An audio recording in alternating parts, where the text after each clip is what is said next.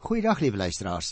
Ons is vandag by 'n baie interessante gedeeltjie en daarom gaan ek so 'n bietjie meer doen. Ek gaan begin by 2 Kronieke hoofstuk 22 vers 10 en ek gaan doen tot aan die einde van hoofstuk 23. Nou jy sal sien, die opskrif hier waar ek begin is Joas word koning. Nou voordat ek die teks met jou bespreek, wil ek eers jou so 'n bietjie van hierdie ou vertel, want dit is altyd net makliker as 'n mens as dit ware die prentjie van die persoon so in jou kop kan teken, hè, so 'n lekker gedagteprentjie. Dan kan jy sommer die storie en die geskiedenis wat oor hom verhaal word in die Bybel baie makliker verstaan. Dis interessant. Mens lees in die 24ste hoofstuk uh by vers 17 en 18 'n belangrike opmerking oor hom. Uh luister 'n bietjie. Na die dood van Jojada en die leiers van Juda die koning kom op hemel. En hy het hom dit laat geval. Toe het hulle die huis van die Here, die God van hulle voorvaders verlaat en gewyde pale en afgodsbeelde gaan dien. Met die sondige optrede van hulle het Juda en Jerusalem die toorn van die Here op hulle gelaai. Nou natuurlik, liewe luisteraar, dit gaan die uiteinde wees van hierdie mense se geskiedenis. Ongelukkig het Joas ook nog 'n hand daarin gehad toe hy koning geword het. Want jy sien, dit is maklik om iemand op die regte pad te hou deur dwang en deur druk op hom uit te oefen. Maar natuurlik, die van ons wat kinders dit sal weet hè, dis heeltemal iets anders wanneer iemand uit innerlike oortuiging self moet besluit oor wat reg en verkeerd is. Nou koning Joas het met die probleem geworstel. Jojada het naamlik goeie raad vir hom gegee. Maar toe Jojada sterwe, het dit duidelik geword dat Joas nooit geleer het om self reg te kan besluit nie. Wat hy geleer is, het nooit innerlike oortuiging by hom geword nie. En dit is die tragedie van Joas se lewe, hoor. Toe Joas maar net 'n jaar oud was, het sy ouma, onthou haar naam Atalia, besluit om alle moontlike troonopvolgers dood te maak om te verseker dat sy al die mag sou hê. Joas se lewe is egter deur sy oom en sy tante en Jojada en Jehosaba gered. Aangesien Jojada 'n priester was, kon hy Joas 6 jaar lank in die tempel wegsteek. En daarna het hy gereël dat Atalia se bewind omvergewerp word en dat Joas as koning gekroon word. Vir baie jare daarna het Jojada die belangrikste besluite namens Joas geneem. En met sy dood het hy tussen die konings begrawe geraak uit erkenklikheid vir wat hy vir koning Joas gedoen het. Maar as ons nou die fokus terugkry op Joas. Joas het nie geweet wat om na Jojada se dood te doen nie. Hy het nooit verantwoordelikheid geleer nie, né? Hy het na slegte raad begin luister en dit het dan tot gevolg gehad dat hy sonde begin doen het. In so 'n mate luisteraars dat hy selfs beveel het dat Jojada se seun met die naam Sagaria doodgemaak moes word. Kan jy dit glo? Die man wat vir hom so goed was, Joas laat nou sy seun doodmaak. En binne enkele maande is Joas se leer verpletterend deur die Arameërs verslaan. Jerusalem is binnegeval en die Arameërs het baie van die buit wat hulle gemaak het na Damaskus toe weggevoer. Die koning is deur sy eie amptenare vermoor en nie eens soos die priester Jojada tussen die konings begrawe nie, wat nog te sê in die koningsgraf self. Joas se lewe lyk dit vir my het 'n probleem wat dikwels ook in ons tyd ervaar word. Na soveel jare van gehoorsaamheid en getroue meelewing aan die diens van God, breek iemand net eenvoudig op 'n dag weg. Hy slaan presies die teenoorgestelde koers in wat hy van kleins af geleer het om te volg. Dit lyk soms vir 'n mens of al die jare se sorg en onderrig met jou kind of met iemand anders net een vee van die hand uit daardie persoon se lewe gekry het en daar verdwyn al jou oplossing down the drain kan ons sê. Nou ek dink dit is 'n waarskuwing dat jy en ek ook nie moet dink dat geloof net uit moeds en moenies en vroom gedragspatrone bestaan nie. Geloof gaan oneindig veel dieper as dit, liewe luisteraar. Dit gaan om die innerlike oortuigings wat in die diepste binnekant van 'n mens lewe. Daaraan moet ons 'n lewe lank plant en nat maak. Ons moet daaraan bou in ons kinders se lewens op daardie akker van hulle harte sodat die geloof wat uiteindelik maar net van die Here kom in hulle harte kan groei, want jy en ek kan niks doen om mense tot geloof te bring nie. Ons kan hulle net 'n lewe Christelike lewenswyse voorlewe. Let op wat ek sê, nie voor sê nie, maar voor lewe. En daarom nou weet ons so ietsie van hierdie man Joas oor wie ons vandag gaan praat. En wil ek uh, dan nog 'n paar opmerkings maak wat belangrik is vir ons hoofstuk wat ons so 'n bietjie deurgaan. Die priester Jojada, na wie ek nou nou verwys het, is eintlik die sentrale figuur in hierdie gebeure. Dit gaan hier oor die herstel van die diens aan God. Danksy die tempeldienaars en die getrouheid van van die familiehoofde aan die Here kon Jojada 'n einde bring aan 'n baie donker tyd in die geskiedenis van Juda. 7 jaar lank het 'n vrou en daarbey 'n Baal-aanbidder uit die huis van Omri oor Juda geregeer. Atalia het alles moontlik gedoen om Juda soos die Noordryk Israel te laat word. In haar tyd is daar selfs 'n tempel vir Baal in Jerusalem opgerig. Dit lyk of die Dawidshuis in haar tyd tot 'n einde gekom het en die diens aan God moes plek maak vir afgodsdiens in Juda. Nadat Atalia die troon bestyg het, het sy al die potensiale troonopvolgers laat doodmaak. Of so het sy altans gedink hoor, maar daar loop altyd ergens iets verkeerd as 'n mens besig is om ander mense dood te maak. Selfs met die beste bose planne loop dinge verkeerd hoor. Jojada en sy vrou het 'n seun van Ahasia uit Atalia se kloue gered en vir 6 jaar by hulle in die tempel weggesteek. Toe op die bestemde tyd het Jojada gedoen wat hy moes doen. Al het hy geweet dat dit hom sy lewe kon kos. Hy het die aanbidding in die tempel herstel en die nuwe koning gesalf. Atalia se lewe is net soos die van haar ma Isebel beëindig. Sy is tereggestel.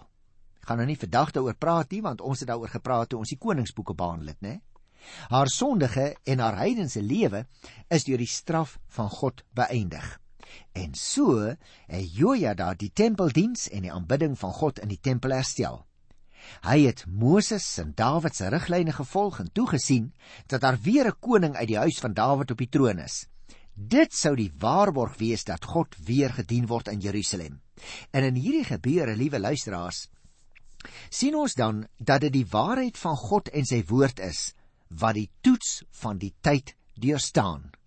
Die bedrog van goddeloosheid vernietig op die ou ende homself en ook elkeen wat sonder God probeer lewe.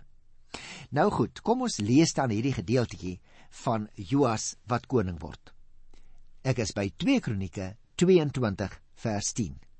Toe Ahasia se ma Atalia hoor haar seun is dood, het sy al die aanspraakmakers op die troon van Juda uit die weg geruim. Een van die prinsesse, Joseba, het egter vir Joas, hom van wie ek nou nou vertel het, 'n seun van Ahasia gegryp en hom stilletjies weggevat tussen die prinses wat doodgemaak sou word.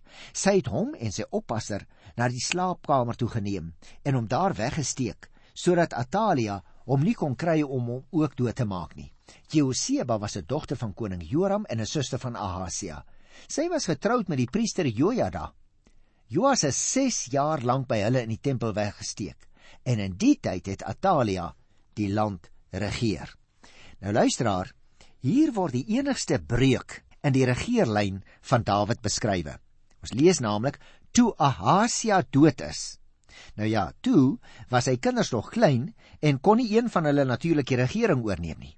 Atalia het toe die geleentheid te baat geneem, die kinders van Ahasia om die lewe laat bring en so met 'n staatsgreep aan die bewind gekom.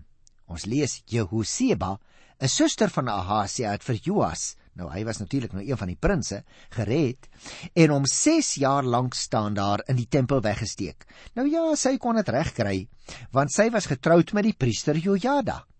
So het iemand uit die koningshuis van Dawid aan die lewe gebly om as die tyd daarvoor sou ryp wees, die dinastie van Dawid voort te sit, net soos die Here vir, vir Dawid beloof het in 2 Samuel 7. En daarom by vers 1 van die uh, 23ste hoofstuk lees ons.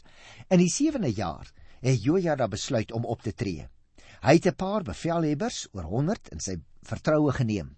Asaria, seun van Jerogiam, Ismael en so hulle name word daar genoem uh, wat nou deur hom in sy vertroue geneem is. Met ander woorde, jy sal onthou in 2 Konings 11 het ons sekere inligting wat vir ons uh bekend is en wat nou gebruik word as 'n bron vir die kronikus wat hierdie gedeelte skrywe. Maar let op, hy lê groter klem op die rol van die godsdienstige leiers as op die omverwerping van Atalia se gesag. Die kronikus het mos 'n besondere voorliefde vir fyn besonderhede, soos byvoorbeeld die vermelding van die name van die bevelhebbers oor 100. En daarom kry mense nou hulle name daar. Maar luister nou hier by die uh, tweede en derde vers. Hulle het hierdie bevelhebbers het nou in Juda rondgegaan en die leviete uit al die stede van Juda bymekaar gemaak en ook die familiehoofde van Israel. Almal is na Jerusalem toe en daar het die hele gemeente in die tempel 'n verbond met koning Joas gesluit. Joa Jojada het vir hulle gesê: "Die seun van koning Ahasia moet koning word, let nou op, volgens die belofte van die Here oor die nageslag van Dawid. So uiteindelik het die tyd nou aangebreek om die seentjie nou uit te bring uit die uh, tempel waar hy iewers weggesteek is en die hele gemeente is nou opgeroep daar by die tempel en 'n verbond is met koning Joas gesluit as die wettige opvolger uit die nageslag van Dawid. Immers, luisteraars, hy was die draer van die belofte wat die Here deur die profeet Nathan aan Dawid gegee het destyds. Nou kom ons lees by vers 4 tot by vers 10. Dit is julle opdragte. 'n Derde van julle van die wat op die Sabbat diens doen as priesters en leviete moet drumpelwagters wees. 'n Derde moet by die paleis wees en die ander derde by die fondamentpoort. Al die ander mense moet in die voorhof van die huis van die Here wees.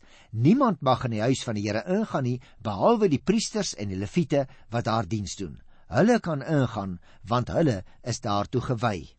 Nou ja, u kan die detail hiervan self gaan lees oor die priesterafdelings en hulle taak. Ek wil maar net in kort dit opsom en sê waar die koninklike leiwag in die weergawe van konings die groot rol speel in die beskerming van die jong koning, is dit hier die taak van die priesters en die leviete. En hiermee, liewe luisteraar, word die godsdienstige betekenis van die herstel van die regte gesag vir ons wat die lesers is beklemtoon. Met ander woorde, met die nuwe koning uit die geslag van Dawid, is daar nou hoop in die mense se harte dat die korrupsie en die moord en die afgodsdiens sal afneem, want hierdie man kom immers uit die geslag van Dawid. Kom ons lees nou verder hier van vers 11 af. Toe bring hulle die seun van die koning vorentoe en kroon hom en oorhandig aan hom die koninklike volmag. So het hulle hom koning gemaak. Jojada, sy seuns het hom gesalf en geroep Lank lewe die koning. Atalia het gehoor hoe die mense hardloop en die koning gaan huldig en het ook na die huis van die Here toe gegaan waar hulle was. Daar sien sy toe die koning staan op sy plek by die ingang en die volksleiers en die trompetblasers by hom en al die burgers van die land wat juig en trompette blaas en die sangers met hulle musiekinstrumente wat die jubelsang lei. Toe skeur Atalia haar klere en skreeu: "Verraad! Verraad. Nou hierdie uh troonbestygingsseremonie, liewe luisteraar, word uh, nie so duidelik beskryf as wat ons kry in 2 Konings 11 nie. Die koninklike volmag waarvan ons lees wat aan Joas oorhandig word, is waarskynlik 'n soort van 'n oorkonde, vermoed ons, waarop die pligte van die koning uiteengesit word. En nou ja, toe hierdie uh, wat sal ek haar noem, vrou wat so graag wil regeer, sien hier is nou probleme want sy regeer dan nou, toe skreeu sy skielik verraad, verraad, want sy wil natuurlik nie hierdie jong man op die troon hê nie. Vers 14 en 15 sê: Die priester Jojada stuur toe die bevelhebbers oor 100 wat 'n beheer van die manskappe was, en sê vir hulle: Bring haar uit die tempel uit. Elkeen wat agter haar aangaan, moet doodgemaak word. Sy mag nie in die huis van die Here sterf nie. Hulle het haar gegryp en haar na die Perepoort by die paleis gevat en haar daar doodgemaak. Nou, liewe luisteraar, jy sal opmerk met hoeveel korte mette maak die kroniekskrywer uh van hierdie gebeure melding. Want jy sien met die dood van Natalia en die kroning van Joas is die breuk in die koningslyn van Dawid herstel. Kom ons lees aan vers 16 en vers 17. Jojada het met die volk en die koning 'n verbond gemaak dat hulle 'n volk sal wees wat die Here dien. Daarna het die hele volk na die Baal tempel toe gegaan en dit verwoes. Hulle die altare en die beelde stukkend geslaan en vir Matan die Baalpriester by die altare ook doodgeslaan. So ag dit lyk vir 'n mens asof die volk daar in Juda regtig die groot verwagting gehad het dat die oomblik sal kom dat hulle weer van die afgodsdiens bevry gaan word. En toe hierdie jong koning nou gekroon word uit die geslag van die Dawidslyn, toe was dit hulle oomblik. Hulle storm dadelik in en maak die Baal aanbiddingsplekke tot niet. En jy moet oplet luisteraar want dit is weer eens meen ek wat die kroniekskrywer wil, wil onderstreep vir ons. Die verbond tussen die priester Jojada, die koning en die volk aan die ander kant dat hulle 'n volk sal wees wat die Here dien, lei dadelik tot die vernietiging van die Baalstempel. En ook die priester Matan wat 'n Baalpriester is, word se muur om die lewe gebring toewyding aan die diens van die Here is die positiewe kant van die saak en die vernietiging van die afgoderry die negatiewe kant van die gebeurtenis in hierdie verhaal. Luister nou na vers 18 en vers 19. Jojada het die toesig oor die huis van die Here weer toevertrou aan die priesters en die leviete wat deur Dawid daarvoor aangewys is destyds. Hulle moes die brandoffers vir die Here bring soos dit voorgeskryf is in die wet van Moses met gejuig en met sang soos Dawid gereël het. Hy het ook wagte by die poorte van die huis van die Here geplaas sodat niemand kon inkom wat op een van die ander maniere onrein was nie. Kronieke lê weer eens die nadruk op die rol van die leviete en die sangers wat moes sorg vir die reinheid van die tempel. En dan die 20ste versie. Ek gaan sommer vers 21 ook lees. Daarna het Jojada die bevelvoerders oor 100, die hoëgeplaastes, die hoë regeringsamptenare en al die burgers van die land met hom saamgeneem en die koning uit die huis van die Here gebring. Hulle het deur die boonste poort aan die paleis toe gegaan en daar het hulle die koning sy plek op die troon laat inneem. Al die burgers van die land was bly. Die stad was rustig. Atalia was dood. En dit is 'n baie belangrike opmerking wat net in een sinnetjie vir ons gegee word, want jy sien, die kroning van die koning moet deur al die hoë amptenare van die land bygewoon word, want wil die kronikus vir ons sê, die Here gaan voort met sy belofte aan die koningshuis.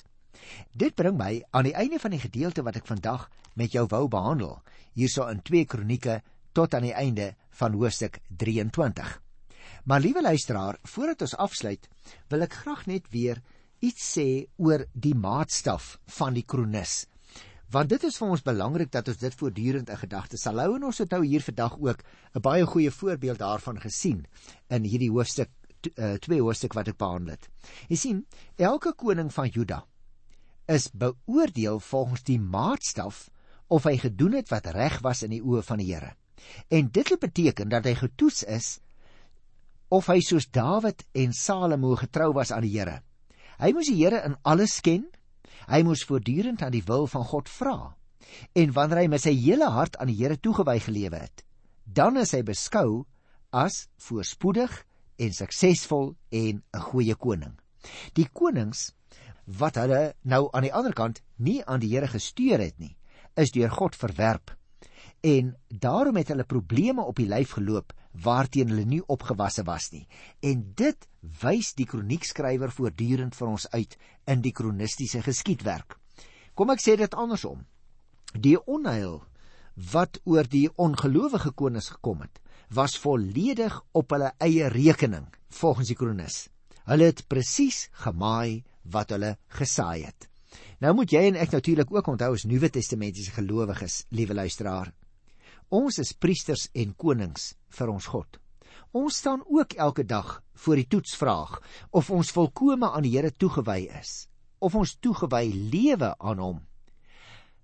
Daar kom byvoorbeeld 'n vraag by my op as ek nou hieroor gesels wat ek ook graag met jou wil deel.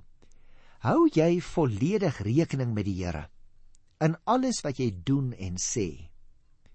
Is die Here betrokke, liewe luisteraar, by dit wat jy beplan en wat jy beraam? die dinge wat jy dink en wat jy hoop. Daarom juis is gebed vir ons so belangrik. Uh en wil ek graag 'n paar opmerkings daaroor maak want ons moet onthou hierdie goed uit die Here se woord is vir ons van aktuële belang En dit is vandag vir ons ter sake wat ons in die Bybel kry, nie waar nie? Die gebede van die konings in Kronieke as 'n mens dit sou bestudeer op hulle eie, is eintlik baie insiggewend. Byvoorbeeld, die gebed van Salomo by die inwyding van die tempel wat ons behandel het in Hosea 6 by die 42ste vers, bevat al die elemente van hierdie verskillende gebede. Die Here word telkens geloof as die getroue God wat by sy verbond en sy beloftes hou. En dit moet jy en ek ook nooit vergeet nie, liewe luisteraar. As ons ons hou aan die riglyne van wat die Here vir ons sê in sy woord, dan wil hy ook vir ons seën. Hy is nie gebonde daaraan nie, maar ons binne sy wil lewe, dan seën hy ons. En daarom juis is gebed so belangrik. Die Here word erken as die beskikker oor alles wat bestaan, as die enigste een wat alles in stand hou en bewaar. En dit wil ons juis telkens vir hom terug sê in ons gebede. Die Here is die een voor wie die mens in skuld en sonde staan. Nie waar nie. Maar luisteraar, die Here is ook die een wat bereid is om opregte berou raak te sien en sondes te vergewe. Hy kan in sy toren mense verwerp en hulle straf, maar hy kan ook weer uit daardie oordeel uitbring en aan mense 'n nuwe toekoms gee. En daarom wil ek jou graag ook terugroep na die Here toe. As ons die kroniekskrywer lees, as ons hoor wat hy sê, as ons sien hoe beoordeel hy ook vir ons as mense in ons optrede, doen ons wat die Here sê of doen ons nie wat hy sê nie. En hoe ons deurgangs ook in die boek herinner word dat ons tot God kan roep. Maak nie saak hoe groot jou sonde is nie, maak nie saak wat jy gedoen het nie. Hy is bereid, hy is gereed om in hierdie oomblik, ook al is dit oor die radio, die genade boodskap op jou hart te bind. Die vraag is of jy dit wil aanvaar of nie. Want as ek nou aan myself dink en ek het te vermoed baie van ons ehm uh, as Christene se se gebede is maar so. Ons gebede, liewe luisteraars, tot die Here behoort juis gekenmerk te word deur nederigheid. Is dit met jou so? Deur eerbied? Is dit so in jou gebede? Deur respek? Is dit so in jou en in my gebede? Ook deur lofprysing. Is dit so of kla en kerm ons net altyd? En ook behoort ons gebede gekenmerk te word deur geloofsvertroue. Dat ons ons vertroue in die Here herbevestig wanneer ons met hom praat in die gebed. Is dit met jou so? Of is daar altyd hierdie klanke van twyfel, onsekerheid, wantroue oor wat vir jou voorlê? of kan ons ons telke male weer deur die geloof verbind en sterk maak as ons vir onsself sê maar ek stel my vertroue in die Here want jy weet as jy hierdie soort van selfgesprek met jou het dan bevestig dit ook jou eie beeld en onthou liewe luisteraar die Here luister na ons gebede hy gee aan ons wat hy in sy wysheid vir ons as die beste beskou. En daarom buig ons ook van tyd tot tyd voor die Here en sê Here, verander asseblief my wil dat dit in lyn sal wees met wat U wil vir my lewe is. Kom ons doen dit ook daar waar jy sit, daar waar jy is, daar waar jy miskien agter die stuur van die motor is. Verootmoedig jou by hernuwing voor die Here in die gebed. Ek groet jou dan tot volgende keer in die wonderlike naam van ons koning. Tot dan. Totsiens.